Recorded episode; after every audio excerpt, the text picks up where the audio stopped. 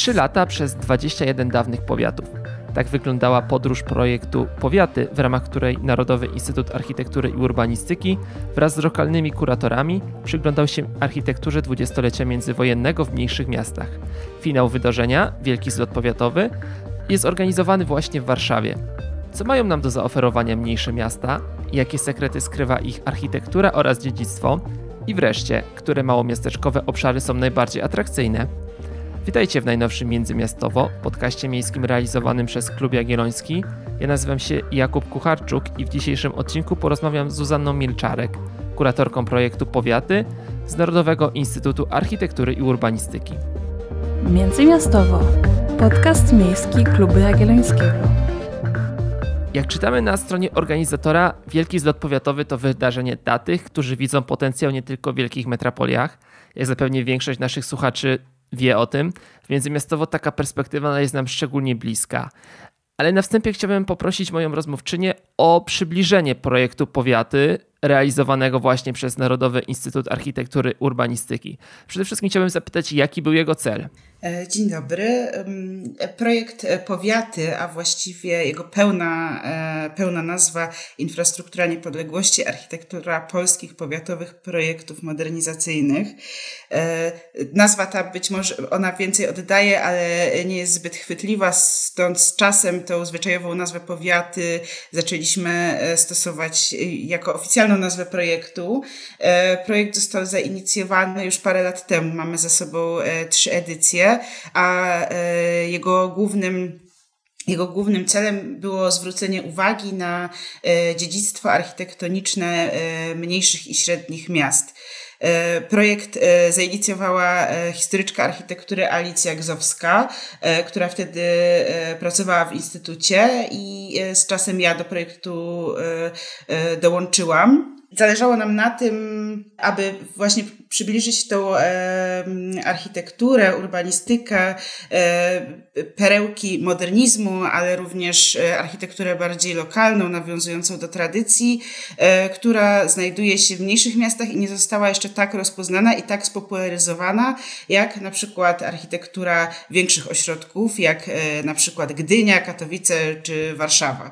Projekt e, dotyczył okresu międzywojnia, okresu bardzo dynamicznej modernizacji, e, rozwoju miast, e, rozwoju różnych regionów, rozwoju e, przemysłu, ale co za tym idzie również rozwoju architektury, architektury przemysłowej, architektury mieszkaniowej, a także nie zapominajmy o wypoczynku, czyli również i kurortów. Wszystkie te aspekty urbanizacji i modernizacji w naszym projekcie się mm, znalazły.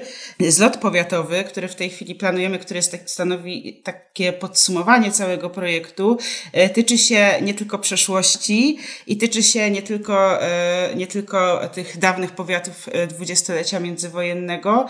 Już od jakiegoś czasu zwracano nam uwagę, że, że dlaczego zajmujecie się E, tymi, akurat konkretnie tymi ośrodkami drugiej RP. Przecież e, ciekawa architektura jest też e, w innych małych miastach. No tak, ale ten projekt był tak sprofilowany, on był też realizowany w ramach programu Niepodległa i, i, i z tego programu dofinansowany, więc stąd tutaj taka, a nie inna tematyka dotycząca e, niepodległości i, generalnie e, to skupienie się na drugiej RP i na, na jej architekturze, nie tylko modernizmie, jak już wspomniałam, a wraz z tym e, wielkim zlotem powiatowym, czyli konferencją, serią debat i warsztatów, chcielibyśmy spojrzeć trochę szerzej i bardziej w przyszłość. Dlatego zaprosiliśmy również włodarzy, samorządowców, regionalistów, a także E, powiedzmy małomiasteczkowych influencerów, e, którzy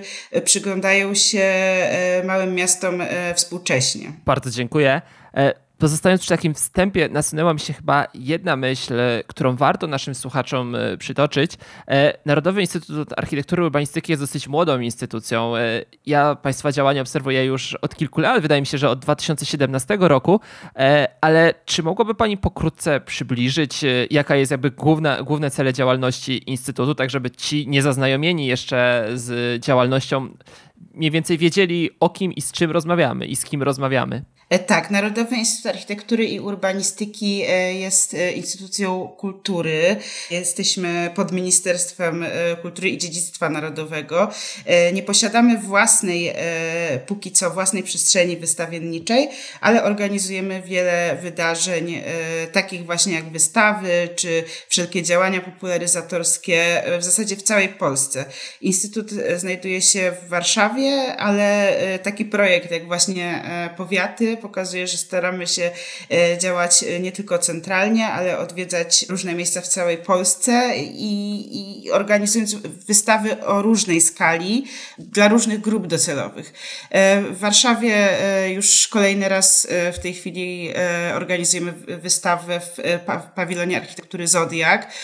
Ostatnio była to wystawa o architekturze ściany wschodniej, teraz jest to wystawa Antropocen i to są takie powiedzmy większe wydarzenia w skali danego roku, ale poza tym realizujemy szereg takich pomniejszych działań i do tego należą powiaty, które w całości są dość sporym przedsięwzięciem, ponieważ byliśmy już w 21 takich powiatach, ale w tej skali lokalnej to są wydarzenia takie jak małe plenerowe wystawy, spacery architektoniczne, mm, warsztaty, czy również działania online. Tak, wiemy, że mówimy o powiatach, już pani wspomniała, e, które były tworzone, były rozbudowywane w dwudziestoleciu międzywojennym, tak naprawdę nie powiatach, ale konkretnych miasteczkach. E, ale jakim kluczem są te miasta w kolejnych edycjach dobierane do projektu? E, to są i miasteczka, i powiaty, bo w zależności od charakterystyki danego e, regionu, czy, czy tego, na czym chciał się skupić lokalny kurator czy kuratorka, przyglądaliśmy się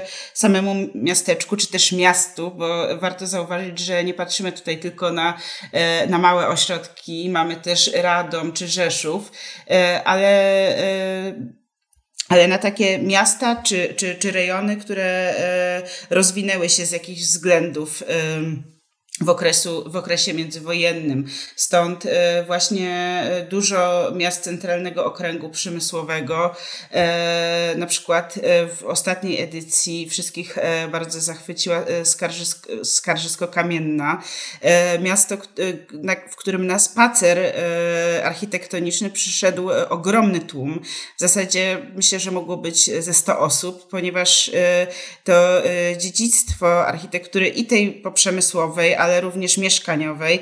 E, jest tam e, naprawdę e, zjawiskowe, ale nikt się do tej pory tym nie zajął, więc naszym głównym kluczem przy dobieraniu, dobieraniu miast czy powiatów czy regionów, e, był po prostu dobór e, miejsc, gdzie ta architektura wiemy, że się znajduje w różnym stanie, e, w niektórych miejscach nietknięta, a w niektórych już niestety zupełnie odmieniona nie zawsze w dobrym kierunku, a w niektórych w ogóle już nieistniejąca, tak jak na przykład w powiecie morskim.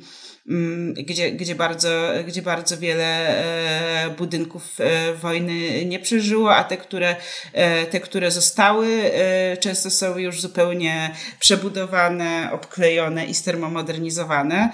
Jednak uważam, że warto takiej archeologii również w takich miejscach się podjąć i przykładowo właśnie w powiecie morskim powstała bardzo, bardzo ciekawa gra planszowa Kurort, w której możemy poznać właśnie historię tego, tego pięknego e, kur, kurortu, znaczy kurortów tak naprawdę e, zlokalizowanych w, nad Polskim Morzem. I już pozostając przy temacie kurortów czy uzdrowisk, także przykładowo powiat nowosądecki, czyli, mm, czyli Krynica, Żegiestów, Muszyna. To, są to okolice, gdzie architektura jest architektura wypoczynkowa, jest naprawdę zjawiskowa i musimy się śpieszyć, też niestety śpieszyć w niektórych przypadkach, e, ponieważ z jednej strony e, ona, e, nawet jeśli jest nienaruszona i niezniszczona, mm, przez nieudaną modernizację to jest niedofinansowana i, i i, niszczeje, jak w przypadku na przykład pensjonatu Patria, projektu Pniewskiego. To jest może taki budynek, który więcej osób zna, też rozpromowany przez Grzegorza Piątka przy okazji książki o Pniewskim. E, ale jest tam dużo więcej innych e, przepięknych e, budynków wypoczynkowych i w Krynicy, i w Żegiestowie. No i możemy też obserwować niestety postępującą czy prywatyzację, czy sprzedaż takich budynków i, i ich przekształcenia, więc zarówno myślę, że taki projekt z jednej strony ma taki walor może i turystyczny dla osób, które chcą te miejsca odwiedzić, a z drugiej strony bardzo ważny walor edukacyjny i wzmacniania tej świadomości e, na temat e, wartości tej architektury i, i, i myślę, że to jest taki jeden z e, głównych celów. My jako Instytut nie mamy może jakiejś wielkiej mocy sprawczej bezpośrednio, jeśli chodzi o legislację, ale na pewno jeśli chodzi o, o, o wzmacnianie świadomości na temat przestrzeni. Bardzo dziękuję. Wspomniała Pani o kuratorach, którzy byli centralnymi postaciami tego projektu i kolejnych jego edycji. Mm, chciałbym zapytać, jakim kluczem ci kuratorzy byli wybierani? Skąd oni się tak naprawdę wzięli? Czy to były osoby, które z tych miast, tych powiatów wyjechały? Czy to były osoby, które tam mieszkają i na co dzień pracują jakby z mieszkańcami tych miast? Kuratorzy byli wybierani w ramach e, Open Calla, także to też e, świadczy o takiej oddolności tego projektu, że e, my wspólnie z Alicją nie wybierałyśmy, znaczy nie wybierałyśmy, nie nominowałyśmy osób, tylko te osoby zgłaszały się do nas i, i w ramach selekcji dopiero wybierałyśmy ze zgłoszeń. Myślę, że to jest bardzo ważne, dlatego że projekt nie, nie zamknął się w takiej bańce, nie tylko warszawskiej, ale e, generalnie bańce czy historyków e, e, sztuki, regionalistów, architektów. Często w mniejszych miastach działają osoby, o których na przykład nie słyszeliśmy, bo nie przebiły się ze swoją działalnością szerzej do mediów, ale robią naprawdę świetną robotę. Przykładem takiej osoby jest Katarzyna Solińska z BWA Krosno i to jest właśnie przykład osoby, która działa lokalnie i też tam mieszka.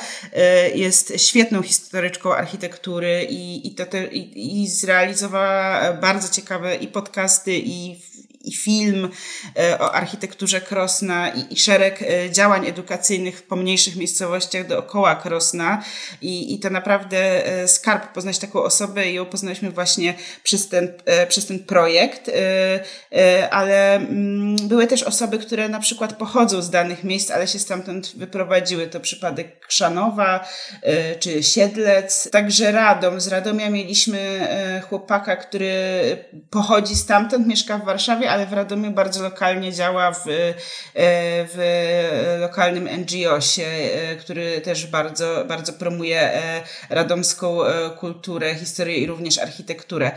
Także najbardziej właśnie nam zależało, żeby dotrzeć do tych osób, które, które lokalnie działają i dać im trochę taką większą platformę, zarówno żeby dotrzeć do mieszkańców ich miasta czy ich regionu, ale żeby potem szerzej z tym pójść w całą Polskę. Mieliśmy też przykład e, z Tarnowskich Gór, e, Marek Panuś, który również pracuje tam w Muzeum Historii, Historyk Sztuki i Architektury e, i tak dalej, i tak dalej. Generalnie zdarzały się też osoby, które po prostu były bardzo zainteresowane danym regionem, a niekoniecznie z niego pochodziły. Tak na przykład było w przypadku powiatu bydgoskiego, którym zajmowali, zajmował się Prolog, czyli kuratorzy poprzedniego Biennale Architektury architektury w Wenecji, polskiego pawilonu i oni rzeczywiście bardzo ciekawie podjęli temat e, poniatówek, czyli czyli takich e, e, drewnianych gospodarstw zbudowanych w takim bardzo prekursorskim systemie prefabrykacji drewnianej, o czym teraz się mówi jako o nowości, a, a takie, takie projekty powstawały już w dwudziestoleciu i, i tutaj architekci z prologu to przebadali niekoniecznie pochodząc stamtąd. Mieliśmy również Sosnowiec, tam, tam również była osoba z Sosnowca, e, Jacek Jakubek, e, również historyk sztuki i architektury, który zrealizował całą serię, można powiedzieć, że taki serial architektoniczny, który dostępny jest też na YouTubie na temat różnych aspektów architektury Sosnowca, który być może tak szerszej publiczności z tego modernizmu międzywojennego nie jest znany, a bardzo bym polecała, żeby, żeby się temu przyjrzeć, również przy pięknej urbanistyce i miejskiemu charakterowi tego miasta. Także Sosnowiec to, to nie tylko nie tylko pałace, nie tylko e, żarty z Sosnowca e, na Śląsku, ale też przepiękny modernizm, o czym e, nie każdy wie. Mieliśmy też przykłady architektury drewnianej, mm, lokalnej i tutaj też dziewczyna pochodząca z, z tych, z, mieszkająca w Warszawie, ale pochodząca z tych rewirów zajmowała się najpierw siedlcami, a potem poszła w kolejnej w kolejnej edycji e, do Suwał, gdzie dalej kontynuowała ten szlak architektury drewnianej. Chciałbym zapytać e, w takim razie o to, co dla tych kuratorów, o których pani przed chwilą mówiła, było najtrudniejsze, bo organizowany przez was od 4 do 6 listopada w Warszawie Wielki Zlot Powiatowy to jest takie jak rozumiem, podsumowanie tych kilku edycji projektów, ale również spojrzenie w przyszłość, y, o takie trochę szersze niż tylko o samym projekcie, przyszłość tych średnich, małych miasteczek. E, do tego myślę, że jeszcze przejdziemy, ale właśnie chciałem zapytać o tych kuratorów i to, co im sprawiało największe trudności w tym, w tym projekcie, w tym programie e, i które miasta tak naprawdę czy społeczności, których miast miały największy potencjał do współpracy, gdzie ta współpraca wyglądała najlepiej, a gdzie pojawiały się największe problemy? Jeżeli mowa o problemach, e, problemach dotyczących właśnie e, dziedzictwa e, architektonicznego, czy trudnego dziedzictwa architektonicznego, mam wrażenie, no i to też ono wybrzmiało powiedzmy przy okazji takich lokalnych debat, czy, czy, czy mniej oficjalnych rozmów, kwestia, właśnie kwestia dbania i kosztów dbania o architekturę zabytkową, to zaczyna być największym problemem, jeśli E, jeśli dane budynki, mieszka- e, zabytkowe budynki mieszkaniowe zamieszkują osoby, e, które niekoniecznie stać na, na remont budynku, który byłby zgodnym z wytycznymi konserwatorskimi, na przykład wymianę stolarki okiennej, na, zrealizowane na zamówienie drewniane okna ze wszystkimi odpowiednimi detalami stolarki drzwiowej, nietypowe e, systemy docieplania takich budynków od środka i tak dalej, więc e, e, to też widać, to nie jest tak, że, bo często tak pojawia się w dyskusjach taki paternalizm, że, no, że ludzie tutaj nie wiedzą w czym mieszkają, że niszczą te budynki i nie znają ich prawdziwej wartości. Otóż ja mam zupełnie, zupełnie inne wrażenie i też spacerując po tych mniejszych miastach i rozmawiając rozmawiając y, y, z ich mieszkańcami, ta świadomość często jest i, y, i ludzie bardzo interesują się swoimi małymi ojczyznami, ich historią. Kiedy realizowaliśmy jakieś takie mm, społeczne archiwa, zbieraliśmy zdjęcia, czy w ogóle zagadywaliśmy mieszkańców, ludzie naprawdę są chętni do rozmowy i są świadomi bardzo często tego, gdzie mieszkają, ale potem pojawiają się schody e, właśnie w kwestiach czy remontowych, czy w kwestiach e, instalacyjnych, e, modernizacyjnych, więc myślę, że, że to jest największy problem, jakiś tak w skali Polski nieunormowany.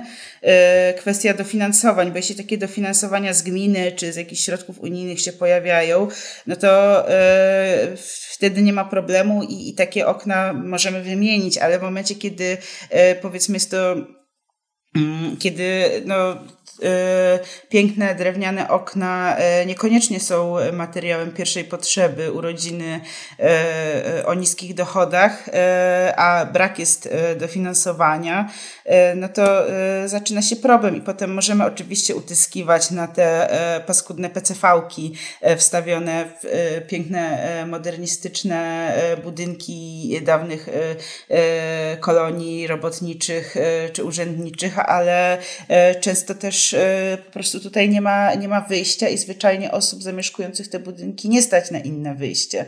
Więc myślę, że, że problem takiego e, niedofinansowania i braku jakiejś takiej większej regulacji, która byłaby inkluzywna i brała pod uwagę w ogóle możliwości mm, e, i zasoby osób zamieszkujących dany budynek, tego brakuje. E, dlatego też, kiedy, kiedy, e, kiedy te wątki konserwatorskie się pojawiają, to, to, to sytuacja cała się trochę ożywia. A problemy, z którymi się zmagali sami e, kuratorzy już tak operacyjnie przy projekcie, myślę, że, że więcej było obaw e, niż, niż realnie się okazało.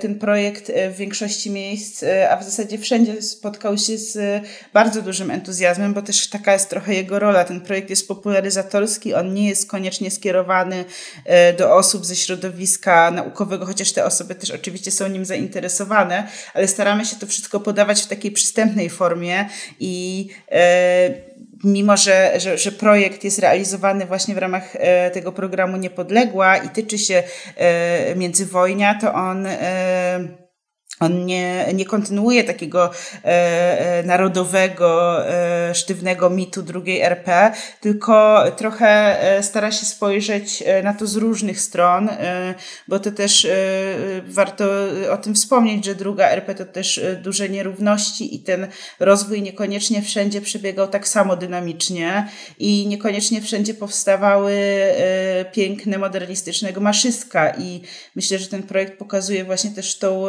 różnorodność, że to też drewniane małe domki, e, czy właśnie w powiecie bydgoskim, czy w Siedlcach, czy w Starachowicach. E, I to nie tylko te, te, te gmachy, które znamy właśnie na przykład z Warszawy. E, I, I ten entuzjazm na pewno się udało rozbudzić wśród mieszkańców. Mieszkańcy dosyć, no, w wielu przypadkach tłumnie nasze wydarzenia odwiedzali i, i zbieraliśmy pozytywne recenzje, a właściwie tutaj nie recenzje są ważne, ale też taki współudział mieszkańcy byli chętni do współtworzenia tych wydarzeń. E, największym takim chyba wyzwaniem i problemem okazała się pandemia, e, w trakcie której kontynuowaliśmy projekt, ale e, paradoksalnie dla zasięgów tego projektu, chociaż no może w kontekście pandemii i lockdownu to brzmi e, strasznie, że mówię o tym w ten sposób, ale to trochę nam, nas ukierunkowało na trochę inną publikę, dlatego że wcześniej te nasze wydarzenia w ramach pierwszej edycji, która miała miejsce jeszcze w 2019, miały charakter taki bardziej kameralny, czyli powiedzmy no maksymalnie do 100 osób, y, y, a czasami i kilkanaście osób, i też taki był cel, y, bardzo lokalnie, a w pandemii poszliśmy bardziej właśnie w, w promowanie mm, promowanie online, czyli realizację takich spacerów, filmów, podcastów. No i to zyskało projekt dość duży rozgłos już w całej Polsce, nie tylko w tych samych lokalizacjach, o których mówił, więc mimo, że organizacyjnie było to wyzwanie i było trudno, utrudniony był również kontakt z lokalnymi instytucjami czy z archiwami, no było wiele przeszkód. Ostatecznie w trakcie lockdownu projekt się dosyć rozpromował w skali całej Polski. E, w takim razie, czy projekt będzie kontynuowany w kolejnych edycjach? Mieliśmy mm, trzy edycje projektu i, e, i w tej chwili go mm, e, powiedzmy podsumowujemy. Planujemy też publikację podsumowującą, która zostanie wydana jeszcze w tym roku po konferencji, po wielkim zlocie. E, która będzie też uwzględniała ten aspekt e, przyszłościowy, tak jak sama konferencja.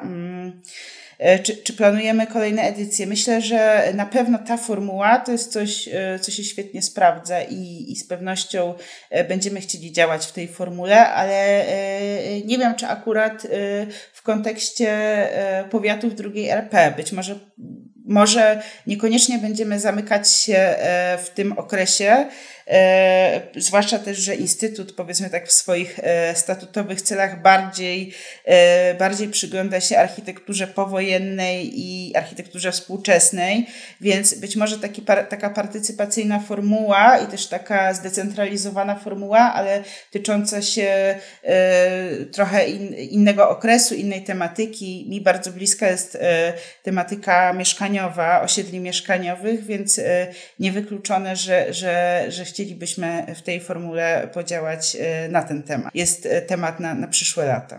Mm, nie ma chyba przypadku, że na konferencję podsumowującą ten projekt e, zaprosiliście również progresywnych, chyba tak można powiedzieć, włodarzy różnych polskich miast, tych średnich i tych mniejszych, czy to z Szanowa, Pleszewa, Starachowic i, i pewnie kilku innych, przynajmniej którzy mi gdzieś tam się rzucili w oko, przeglądając plan wydarzenia Wydaje mi się, że zastanawiacie się też, chyba jakby celem tego wydarzenia, Wielkiego Zlotu Powiatów jest też zastanowienie się albo postawienie wniosku, w jaki sposób, no można by chyba bazując na dorobku projektu, ale też na tej architekturze istniejącej w tych średnich, e, mniejszych miastach, można napędzić rozwój tych miast, no bo nie ma co ukrywać, że, że od lat jest to jedno z kluczowych wyzwań dla rozwoju w ogóle gospodarczego, nie tylko gospodarczego naszego kraju.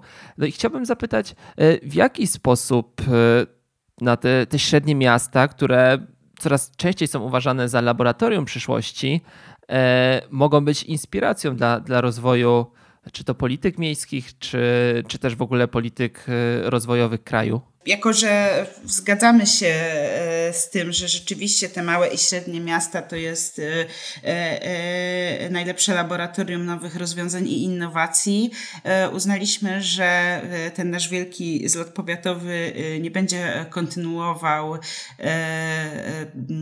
dyskusji na temat dziedzictwa tylko i wyłącznie, chociaż oczywiście to dziedzictwo pozostaje w tle naszych rozmów i dziedzictwa architektoniczne i też to e, niematerialne małych i średnich miast, e, ale mm, postanowiliśmy zaprosić, e, tak jak Pan wspomniał, włodarzy różnych mniejszych i średnich miast, również tych miast, które w projekcie się pojawiały, czyli na przykład Starachowice czy Chrzanów, ale także, także wspomniany Pleszew. Będzie też Dąbrowa Górnicza jako powiedzmy takie większe, średnie miasto, czy, czy, czy, czy mniejsze, duże miasto e, i, i rozmawiać będziemy e, na, na tematy w zasadzie ta tematyka, e, tak skoncentrowaliśmy ją wokół takich e, trzech wątków i myślę, że, że te dyskusje będą bardzo ciekawe, e, ponieważ też pokażą, jaki potencjał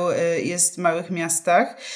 Ta, taka według mnie chyba jedna z ważniejszych dyskusji to będzie ta dyskusja samorządowa, którą rozpocznie, rozpocznie case study Chrzanowa i projektu Ekodzielnicy w Chrzanowie. Bardzo chcielibyśmy właśnie poruszyć wątek mieszkaniowy, ponieważ możemy to już zaobserwować, że, y, że w mniejszych miastach y, y, ta mieszkaniówka, czy też takie programy mieszkaniowe skierowane do osób najbardziej potrzebujących dość prężnie działają i i e, e, mają pole do eksperymentu, może, oczywiście również ze względu na skalę, ze względu i na skalę miasta, i na skalę zasobu, e, którym, którym miasto zarządza.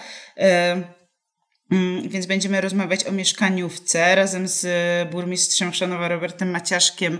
E, koncepcję ekodzielnicy będzie prezentowała jej e, autorka, czyli architektka Aleksandra Wasilkowska. E, będzie w debacie brała również Joanna Erbel, która brała udział w tworzeniu ram wytycznych dla tego projektu. Będą również, będzie również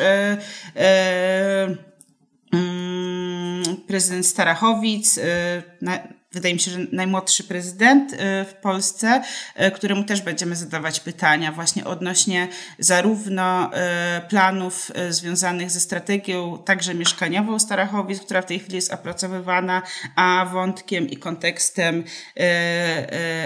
dziedzictwa architektonicznego też często niszczącego. Czy jest na to pomysł, czy będzie to jakoś w tą strategię włączane? Mm, I będzie, y, jak wspomniałam, y, Wojciech Czyżewski z Dąbrowy Górniczej, z y, Fabryki Pełnej Życia. Myślę, że Dąbrowa Górnicza, oczywiście tak, my mówimy o naszej, o naszej konferencji, że jest to konferencja prowincjonalna, konferencja mniejszych ośrodków. No Dąbrowa Górnicza raczej do takiej, ani do, do raczej nie należy do tych mniejszych ośrodków, ale na tych powiedzmy na granicy bycia większym, a średnim miastem, także myślę, że tutaj też będzie dużo, dużo ciekawych wątków, także w zakresie animacji kultury. Mm, e, e, będziemy też rozmawiać o właśnie, jak, e, jak animować kulturę na wspomnianej prowincji. I myślę, że, że z racji z racji może skali, czy tempa, e, czy w ogóle e, jakiegoś takiego mm, skupienia się e, na danej problematyce czy tematyce. Animacja kultury w mniejszych miastach też daje duże pole do wprowadzania innowacji, także te innowacje to łatwo się testuje trochę w tej mniejszej skali i też one częściej się w tej mniejszej skali udają, a potem to już tylko kwestia kwestia przeskalowania tego już na większe miasta, by, by móc e, naśladować. E, ja ostatnio byłam mm, e, przykładowo w Rybniku. Rybnika akurat E, akurat e, na naszej konferencji nie ma, ale tam e, nie dość, że Rybnik, o tym też zresztą trochę było w mediach, ma niesamowicie dopracowany i też jeśli chodzi o zasady dostępności i też w ogóle jeśli chodzi o, świetną estetykę system informacji miejskiej, bardzo piękny, to dzieją tam się też innowacje społeczne, na przykład w zakresie mieszkalnictwa. Ostatnio miałam przyjemność odwiedzić pilotażowy projekt cohousingu senior senioralnego dla kobiet 65, e, który jest innowacją w skali Polski i tak naprawdę jest dość innowacyjny w, w skali europejskiej. E, I, I takie rzeczy dzieją się e, może szybciej i, i w mniejszych miastach. To jest też kwestia często poza tym, że tej skali, ale też jakiejś takiej e, woli politycznej, czy też e, właśnie tego wspomnianego entuzjazmu samych osób koordynujących takie tematy. Być może ten entuzjazm w mniejszych miastach jest jakoś łatwiej wzniecić i łatwiej utrzymać, i dlatego te innowacje tam się udają. Bardzo dziękuję za tą rozmowę. E, gościnią dzisiejszej audycji międzymiastowo podcastu miejskiego realizowanego przez Klub Jagielloński była Zuzanna Mielczarek, architektka, kuratorka projektu Powiaty z Narodowego Instytutu Architektury i Urbanistyki. Ja Państwa oczywiście zachęcam do subskrypcji podcastu międzymiastowo, do odsłuchania tych odcinków, które już publikowaliśmy oraz tych, które będą w przyszłości oraz oczywiście zachęcam do wsparcia Klubu Jagiellońskiego. Do usłyszenia. Dziękuję bardzo. Produkcja tego odcinka została sfinansowana ze środków otrzymanych w ramach programu rozwoju organizacji obywatelskich na lata 2018-2030, których operatorem jest Narodowy Instytut Wolności Centrum Rozwoju Społeczeństwa Obywatelskiego. Pozyskany grant już od kilkunastu miesięcy pozwala nam rozwijać nie tylko nasz podcast, ale i inne działania w tematyce miejskiej na portalu klubjagielloński.pl. Międzymiastowo. Podcast miejski Klubu Jagiellońskiego.